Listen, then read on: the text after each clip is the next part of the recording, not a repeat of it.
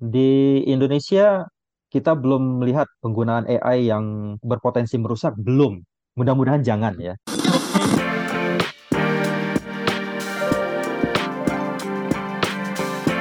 Hai sahabat TCID, kalian sedang mendengarkan podcast Suara Akademia. Ngobrol seru isu terkini bareng akademisi. Masa kampanye pemilu 2024 sudah dimulai Sobat TCID. Actually dimulai tanggal 28 November 2023 kemarin dan sepertinya sudah mulai pada siap-siap tancap gas nih untuk mempromosikan uh, partainya atau mungkin dukungan kepada calon presiden dan calon wakil presidennya bentuk kampanyenya banyak banget gitu ya. Mungkin ada yang old school di mana membuat panggung atau mungkin melakukan konvoy gitu. Dan yang lebih ramai adalah kalau berkaca dari beberapa tahun sebelumnya, kampanye di sosial media menjadi salah satu uh, alternatif yang dilakukan partai ataupun capres dan cawapres gitu dalam uh, kontestasi politik tahun ini.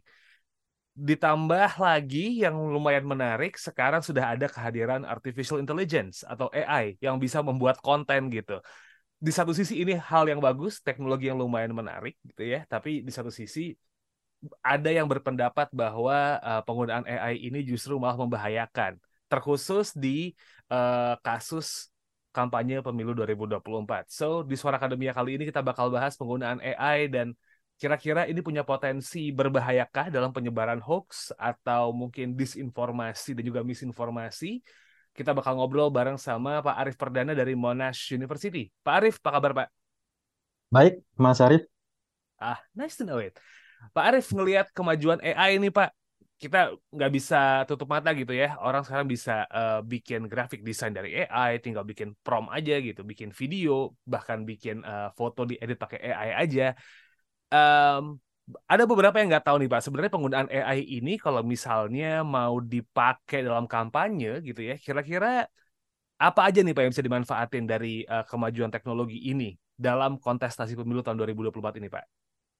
Baik, makasih Mas Sarif. Jadi saya mulai dulu, teknologi AI ini punya potensi negatif dan positif ya. Hmm. Jadi kalau kita lihat secara garis besar itu ada dua model AI bisa kita klasifikasikan. Ada model generative AI kemudian ada predictive AI. Nah, hmm. dua-duanya ini menggunakan data untuk menghasilkan model, tapi outputnya beda di sini. Kalau hmm. generative AI itu menghasilkan teks, audio, video rekayasa.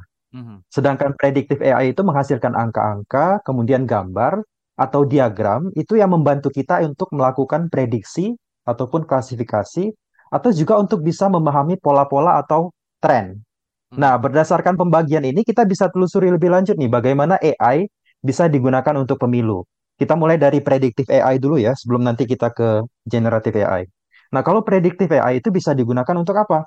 Untuk uh, mengembangkan platform yang bisa menjelaskan profil, kemudian kondisi dan karakteristik konstituen di daerah pemilihan. Nah, ini bisa membantu calon legislatif ataupun uh, apa capres uh, ataupun calon kepala daerah itu merencanakan kampanye mereka dengan lebih efektif. Jadi hmm. dengan menggunakan predictive AI ini tim kampanye ataupun apa eh, kandidat itu bisa mengembangkan strategi strategi kampanyenya. Jadi mulai dari misalkan apa micro targeting. Untuk karakteristik sosiopolitik konstituen, ya. Kemudian bisa untuk nano targeting. Itu apa? Jadi bisa untuk mengidentifikasi potensi suara Nah, dengan predictive AI ini kandidat yang mengikuti pemilu itu bisa mem memahami dengan dengan baik itu daerah mana yang harus mereka sasar, kemudian isu apa yang harus mereka bawa, kampanye apa yang efektif dan efisien.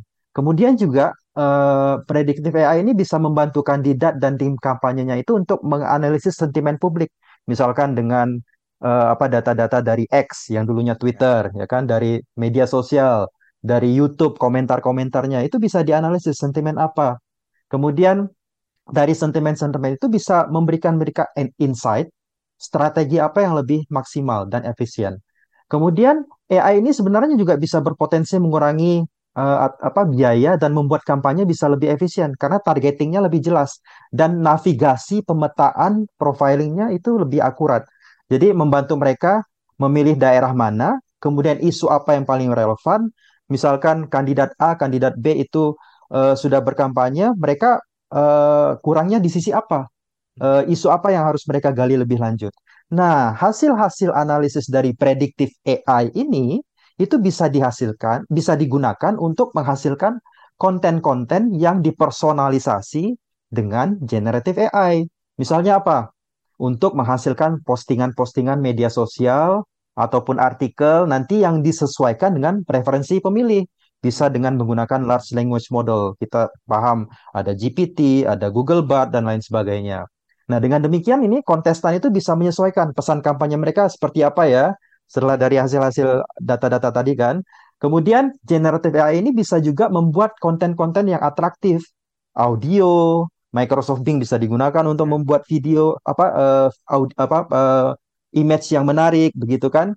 Tapi harus diingat di sini kontennya bukan konten hoax dan disinformasi. Kalau sudah konten hoax atau disinformasi itu sudah melanggar hukum.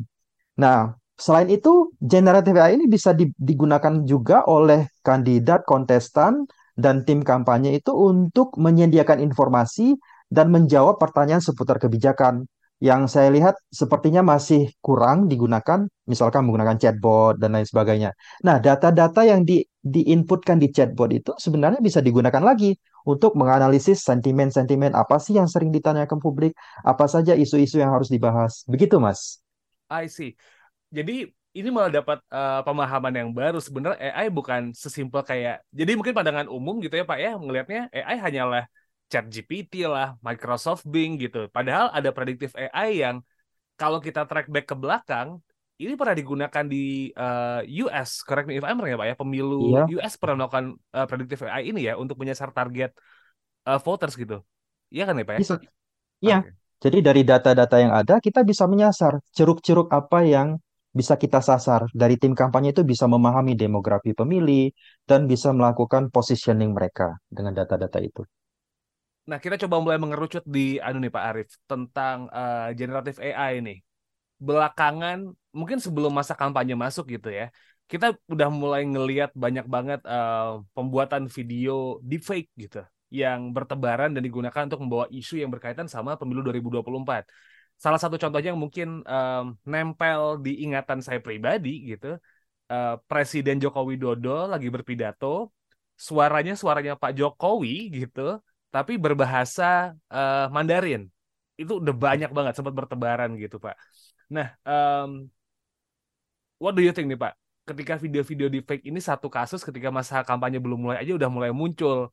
Apalagi ntar nih Desember, Januari pas lagi panas-panasnya nih. What do you think? Nah, sebenarnya kalau kita bicara deepfake ini, Mas, ini kan sebenarnya adalah bagian dari media sintetis. Hmm. Media sintetis itu sebenarnya tidak ada masalah. Kita menikmatinya. Mas Syarif senang dengan film apa Avatar, kemudian film apa lagi Toy Story. Nah, itu sebenarnya adalah dibuat dengan media sintetis, tapi bisa jadi berbahaya ketika apa? Digunakan untuk memanipulasi publik dan itu untuk menyebar disinformasi. Dan itu sekarang mudah sekali dibuat, Mas. Dengan hanya subscribe beberapa uh, dolar, itu kita bisa membuat deepfake dengan audio yang apa uh, sangat uh, sulit, sulit untuk di diidentifikasi apakah itu suara asli atau bukan. Kemudian juga kita bisa membuat video dengan hanya subscribe dengan apa uh, harga yang murah. Itu bisa dibuat dengan mudah. Nah, masalahnya deepfake ini juga punya keterkaitan dengan psikologi manusia. Ketika deepfake itu kemudian dibuat dengan narasi-narasi yang membangkitkan emosi, kemudian uh, membuat ketakutan dan lain sebagainya, kita akan eh, apa namanya mudah dengan percaya tanpa memverifikasi lebih lanjut. Di situlah sebenarnya harus ada edukasi publik. Ketika kita melihat konten-konten yang uh, apa yang uh, punya sensitivitas tinggi, kita harus kritis. Kemudian apalagi ini di tahun politik, kita juga harus tahu elemen-elemen apa yang harus kita pahami ketika video itu misalkan uh, uh, punya kecenderungan uh, sesuatu yang dimanipulasi. Begitu, Mas. Nah, kita langsung coba uh, melihat ke case di pemilu 2024 nih Pak Arief gitu. Um, satu hmm. artikel yang sebenarnya pernah uh, ditulis oleh Pak Arief Perdana, Sobat TCID, mengenai AI dan juga disinformasi gitu. Kalau misalnya sempat baca, ternyata banyak juga nih Pak riset yang bilang kalau penggunaan AI, entah itu prediktif atau mungkin generatif AI gitu, bisa memperparah uh, penyebaran disinformasi gitu nih Pak. Uh, mungkin bisa dijelasin gitu. Gimana ya caranya AI ini justru malah bisa membuat disinformasi itu tuh makin masif gitu Pak. Bisa diceritain mungkin. Nah, ketika kita uh, berhadapan dengan disinformasi, itu platform yang membantu mengamplifikasi informasi itu adalah media sosial. Hmm. Nah, deepfake itu sendiri ketika dibuat, kalau tidak disebar di media sosial, dia tidak akan teramplifikasi. Tetapi ketika disebar di media sosial, itu akan dengan cepat. Nah, masalahnya di media sosial itu sendiri, algoritmanya itu biasanya mereka akan memberikan konten-konten sesuai dengan preferensi kita. Misalkan Mas Arif itu preferensinya tentang makanan dan traveling. Di timelinenya Mas Arif itu akan muncul traveling, kemudian makanan, begitu juga di YouTube. Itu akan muncul banyak sekali rekomendasi seperti itu. Nah, ketika Mas Arif misalkan uh, senang dengan konten-konten yang berbau politik, itu juga akan muncul tuh di media sosial, di YouTube, di Facebook, di Instagram, dan lain sebagainya. Ketika konten-konten politik itu ada yang dimanipulasi, ada yang deepfake, nah konten itu juga akan masuk dalam uh, timeline-timeline kita. Nah, jadilah uh, echo chamber. Artinya apa? Kita itu hanya melihat konten-konten yang kita senangi. Jadi konten-konten yang tidak kita senangi itu tidak akan muncul. Nah, kalau kita satu kali klik, dua kali klik, tiga kali klik, dan informasi-informasi yang kita klik dan kita lihat itu adalah informasi yang salah, disinformasi, informasi itu akan secara masif akan ditampilkan di timeline kita. Begitulah caranya. Itu juga bagian dari algoritma media sosial, Mas. Jadi ketika kita berinteraksi dengan media sosial, itu bisa mengamplifikasi disinformasi itu. Hmm. Gitu. So basically dengan kalau misalnya kita ngelihat sekarang di X gitu di TikTok dengan ada halaman for you yang memang coba dikurasi sesuai dengan preferensi kita, penggunaan algoritma itu dong yang justru berbahaya buat menyebarkan disinformasi dong, Pak Arif. Ya, karena memang uh, algoritma itu uh, merekomendasikan sesuai dengan preferensi kita. Mm-hmm. Jadi mau tidak mau kita harus menyadari bahwa algoritma bekerja seperti itu. Apa pun yang kita apa namanya gunakan, bukan hanya media sosial ya. Ketika yeah. kita belanja di Amazon misalkan, hmm. ketika kita senang dengan buku-buku science fiction, buku-buku dengan genre uh, apa novel dan lain sebagainya, itu juga akan merekomendasikan sesuai dengan preferensi kita. Di Netflix misalnya, kita senang genre drakor, kita senang genre action, thriller. Itu juga akan muncul tuh rekomendasi seperti itu. Karena memang seperti itu uh, apa mekanisme algoritma recommender sistem bekerja. Uh, kalau kita misalnya menggunakan apa Deezer, Spotify, itu seperti itu juga. Walaupun beda-beda, ada yang berdasarkan apa ritme, ada yang berdasarkan uh, genre, ada yang berdasarkan klasifikasi tertentu yang dibuat oleh uh, platform itu sendiri. Hmm. Banyak macam, tapi pada dasarnya menggunakan preferensi yang kita senangi. Customize berdasarkan preferensi pengguna. Oke, jadi kalau misalnya dilihat dari uh, permasalahannya, selain juga memang generatif AI yang bisa digunakan untuk membuat konten hoax gitu ya. Meskipun memang itu jelas-jelas salah ya Pak Arif ya. Algoritma ya. ini juga bisa memperparah amplifikasinya gitu ya. So we can yeah. Uh, kita bisa konklusiin di situ ya. Benar. Oke. Okay. Tapi Pak, untuk mencegah nih, kadang kan tombol report aja nggak cukup ya. Ternak akun gampang banget gitu nih Pak Arif gitu. Uh, saya sih beberapa kali gitu mencet report, report muncul di FYP konten-konten yang ini kayaknya nggak bener deh gitu, tapi muncul lagi kontennya, ya kan? Dan um, masyarakat juga sepertinya kalau untuk mau mengadu kadang-kadang suka menemukan hambatan mau lapor ke siapa. Mungkin kita mulai dari step masyarakat dulu nih gitu. Gimana ya caranya supaya kita yang ada di masyarakat yang di akar rumput ini itu bisa melawan penyebaran disinformasi dan misinformasi ini nih Pak. Karena tombol report aja kadang-kadang kita kalah karena ini udah akun gede nih yang nyebar nih gitu, butuh report yang cukup gede nih. What can we do? Nah, sebenarnya dari personal dulu, Mas. Hmm. Jadi uh, kesadaran dari kita sendiri ketika mengakses konten-konten yang ada di internet. Hmm. Semakin hari kita itu harus semakin kritis. Nah, penelitian secara psikologi dulu ya, penelitian itu menunjukkan bahwa manusia itu tertarik pada narasi yang membentuk identitas kemudian menguatkan keyakinan, dan sejalan dengan perspektif politik mereka. Mhm. Walaupun narasi itu palsu. Nah, sebenarnya secara individu kita harus sadar dulu, kita punya kognitif bias di sini ketika berhadapan dengan konten-konten seperti itu. Nah, kedua, ketika kita sudah sadar, baru kita misalkan memahami, kita harus mau membaca. Kita harus sadar bahwa untuk saat ini ya, kita masih bisa membedakan antara konten-konten yang manipulatif dengan konten-konten yang asli. Satu dari sisi narasinya apa. Kedua dari sisi uh, apa namanya artefak ataupun elemen-elemen. Kalau Mas Syarif pernah apa uh, berselancar di YouTube, ada satu defect yang sangat halus sekali yang menampilkan Morgan Freeman. Hmm. Nah, di situ dibuat Morgan Freeman tampak sangat uh, apa sangat halus sehingga kalau secara kasat mata tidak detail itu kita beranggapan ini benar-benar Morgan Freeman. Tetapi di situ kalau kita lihat lebih uh, detail lagi, misalkan videonya kita perbesar, pixelnya kita perbesar. Nah, itu ada ada elemen-elemen yang bisa kita uh, identifikasi oh ternyata ini defect. Apa misalkan? Ada inkonsistensi ekspresi wajah.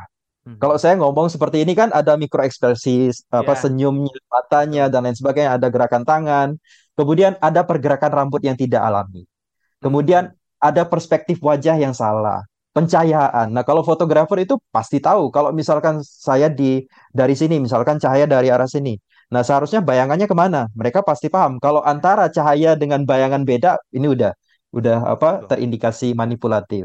Kemudian tadi yang saya bilang ekspresi mikro wajah itu kurang. Nah, elemen-elemen ini kalau kita lebih detail lagi, tidak hanya sekedar melihat, itu kita bisa paham, oh ini kita harus hati-hati, ini benar atau enggak sih? Nah ya. itu, psikologi, kemudian elemen-elemen.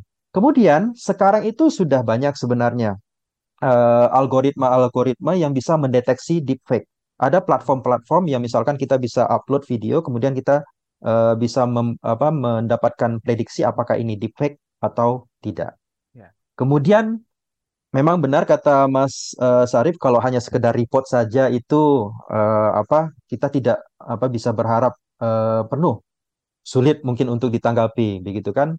Tetapi itu salah satu upaya setidaknya ketika kita report itu membantu algoritma dari perusahaan-perusahaan teknologi itu juga bisa memahami oh ternyata konten dengan ciri-ciri ini ini banyak di report begitu dan itu mem membuat mereka lebih apa ya lebih uh, memahami sehingga ke depannya mereka berhati-hati ataupun langsung menandai bahwa konten ini uh, apa punya indikasi manipulatif dan deepfake. Begitu mas. Ah ya asik perlu regulasi khusus nggak sih Pak dalam peng, uh, misalnya kita berbicara soal pemilu dulu kali ya karena kalau misalnya memang uh, di penggunaan sosial media hal-hal di fake kayak gini kita bisa kita bisa cek ulang nih gitu biasanya netizen jauh lebih pintar buat uh, ngulitin dalam tanda petik nih konten asli atau bukan gitu. But yeah. dalam pemilu biasanya kan kita kalau ngelihat aturan Bawaslu atau mungkin uh, eh, KPU gitu, so far yang saya tahu ya Pak ya gitu, mungkin hanya di kampanye-kampanye yang sifatnya um, offline aja gitu, di uh, di dunia nyata aja di panggung atau lokasinya di mana, di sosmed masih belum belum ada yang clear nih should it be regulated berkampanye di sosial media emang harus diawasi segitunya? Karena satu susah ngawasinnya ya kan? Yang kedua permasalahan ternak akun itu kan kita bisa bikin email dengan gampang terus bisa nyebarin dan amplifikasi gitu. Akun telur kan kadang-kadang kalau debat suka muncul tuh pak gitu. Should it be regulated or not? Menurut saya harus diregulasi mas. Di Amerika sekarang di beberapa negara bagian itu sudah diusulkan regulasinya jadi uh, bukan hanya konten-konten disinformasi dan misinformasi, konten-konten yang uh, apa sesuai fakta dan lain sebagainya ataupun gambar-gambar yang dibuat dengan uh, apa generative AI itu harus diregulasi. Uh, ada usulan bahwa konten ini ada keterangan ya, konten ini dibuat dengan AI, ada watermarknya. Walaupun konten itu misalkan uh, Mas buat uh, apa namanya gambar makanan dengan prompt tertentu muncullah makanan. Makanan itu bagian dari kampanye pemilu misalkan. Yeah. Nah itu ketika diposting di media sosial itu harus dengan jelas dikatakan bahwa konten ini dibuat dengan AI. Nah itu di ah. Amerika itu sudah uh, diregulasi. Nah kalau melanggar aturan itu akan dikenakan denda. Apalagi kalau misalkan konten-konten itu sifatnya disinformasi ataupun misinformasi itu uh, apa konsekuensinya akan lebih lebih apa keras lagi. Jadi uh, menurut pendapat saya ini harus diregulasi. Kalau kita lihat misalkan contoh di uh, Eropa, dia uh, mereka itu sudah punya EU uh, Research Report, jadi European Union Research Report. Nah di situ ada lima dimensi yang yang apa mereka uh, uh, usulkan untuk memerangi memerangi deepfake ini. Pertama teknologinya, kemudian penciptaannya, kemudian sirkulasi, target, kemudian audiens. Teknologi ini apa? Teknologi ini menyoroti AI-nya sendiri itu sebagai teknologi untuk membuat deepfake. Nah, itu harus diregulasi seperti apa? Kemudian penciptaannya, siapa pelakunya, kemudian bagaimana mereka membuatnya. Kemudian sirkulasi. Nah, ini yang yang penting juga nih. Ketika ada teknologi, ketika sudah dibuat, sirkulasinya. Di mana dia mensirkulasinya, bagaimana mereka mensirkulasinya. Ini berkaitan dengan penyebaran deepfake. Baik melalui platform apa, kanal apa. Kemudian targetnya, siapa yang jadi korban? apakah uh, publik secara luas, uh, publik minoritas dan lain sebagainya itu harus di, dilihat di situ. Kemudian dimensi audiens ini fokusnya apa? Untuk antisipasi. Audiens itu juga harus dididik, publik secara luas itu juga harus dididik. Tadi yang seperti saya bilang, mereka harus paham loh elemen-elemen defect itu seperti apa. Dari sisi psikologi mereka juga harus memahami ketika berinteraksi dengan konten yang punya narasi-narasi psikologis yang sifatnya sensitif, mereka harus hati-hati gitu. Oke. Okay. Kontennya udah banyak gitu ya. Jadi prinsip saring sebelum sharing ini penting banget ya buat masa-masa kampanye ini ya Pak Arif ya. Iya. Yeah. Oke. Okay. Um, pertanyaan saya sebenarnya sudah semuanya nih Pak Arif. Tapi kan kita berbicara soal uh, konten-konten sosial media yang dengan menggunakan AI. Kita mungkin tidak ngomongin soal prediktif AI dulu kali ya. Ngomongin soal generated AI gini, generative AI ini bakal makin banyak gitu. Um, sekarang hmm. udah booming ke depannya bakal makin banyak lagi especially di pemilu nih Pak. Desember dan Januari will be a long long ride gitu. Melihat kayak gini-gini. Hmm. Ada yang pengen disampaikan lagi apa? Mungkin buat sobat TCID gitu. Dengan AI ini dan juga potensi untuk menciptakannya disinformasi. Times yours Pak Arif.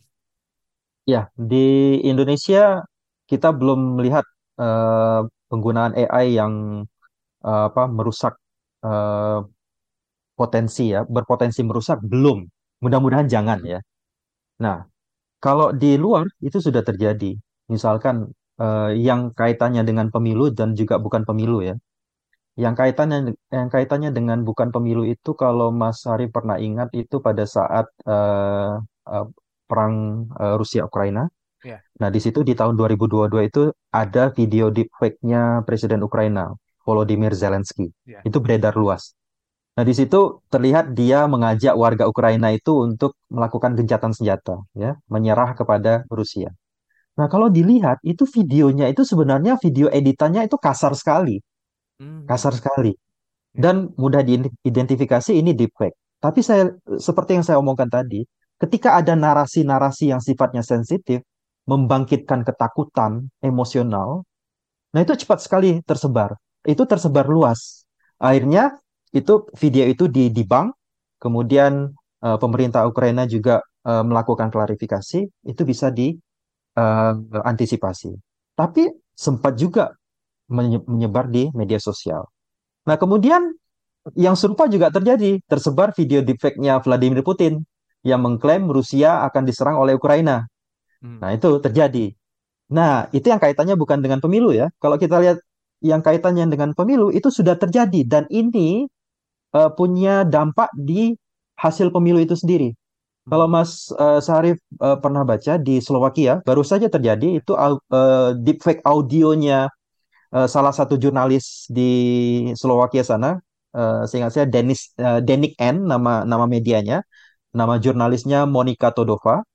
Nah di situ uh, audio deepfake itu digunakan untuk mendiskreditkan media dengan menyebarluaskan percakapan palsu tentang manipulasi pemilu di Slovakia. Nah, um, unfortunately, video ini menyebar pada saat masa tenang. Nah, akhirnya di situ pihak-pihak itu tidak tidak boleh meng, mengcounter, termasuk pemerintah juga karena pada saat masa tenang. Nah, di saat masa tenang video ini menyebar, akhirnya apa? Mempengaruhi persepsi pemilih. Hmm. Akhirnya apa? terjadi keresahan publik dan pesta demokrasi di Slovakia agak ternodai di situ. Nah, kalau Mas Sarif lihat insiden-insiden ini kan skalanya skala nasional di Rusia, di Ukraina, di Slovakia itu sudah terjadi. Di Amerika beberapa negara bagian seperti yang saya ungkapkan tadi sudah mengusulkan karena mereka uh, punya prediksi bakalan keras nih nanti penggunaan AI untuk menjatuhkan lawan. Dan di Indonesia sayangnya saya belum pernah mendengar bagaimana ini akan diregulasi. Hmm. Ya kan? Apalagi generatif AI ini. Kalau ya. tadi akun-akun palsu itu dari sejak pemilu 2014, 2019 itu sudah terjadi. Ya, ya kan? Ini akan semakin diperparah dengan konten-konten yang manipulatif tadi, yang deepfake tadi. Apalagi ditambah dengan narasi yang sensitif, kalau masyarakat belum sadar, tidak diedukasi, regulasi masih tidak ada ataupun lemah, itu bisa berbahaya. Oke. Okay. As an individual, penting buat kita untuk melihat informasi yang kita terima seperti apa, penting buat ngejaga algoritma dan juga penting buat nge-report kalau ada something yang emang salah gitu supaya akhirnya semua jadi kondusif dan kalau kita kaitkan penggunaan AI sama uh, apa ya perjalanan pemilu ini ya ada hal-hal yang memungkinkan uh, memungkinkan situasi di mana banyak berita-berita yang nggak benar itu kesebar ke mana-mana. So ya, yeah, back to our uh, self gitu. Bagaimana buat melihat ini dan juga ngasih tahu orang bahwa ada berita yang salah. Kayak gitu ya Pak Arif ya? ya nah. Oke. Okay. Kalau begitu sudah selesai obrolan kami Sobat Isi ID dalam Suara Akademia kali ini. Thank you so much Pak Arif Perdana buat kesempatannya ngobrol kali ini Pak. Semoga sehat-sehat terus dan lancar terus kegiatannya. Um, kita pamit dulu Sobat Isi ID. I'll see you next episode. Wassalamualaikum. Kalian telah mendengarkan podcast Suara Akademia. Ngobrol seru isu terkini bareng akademisi.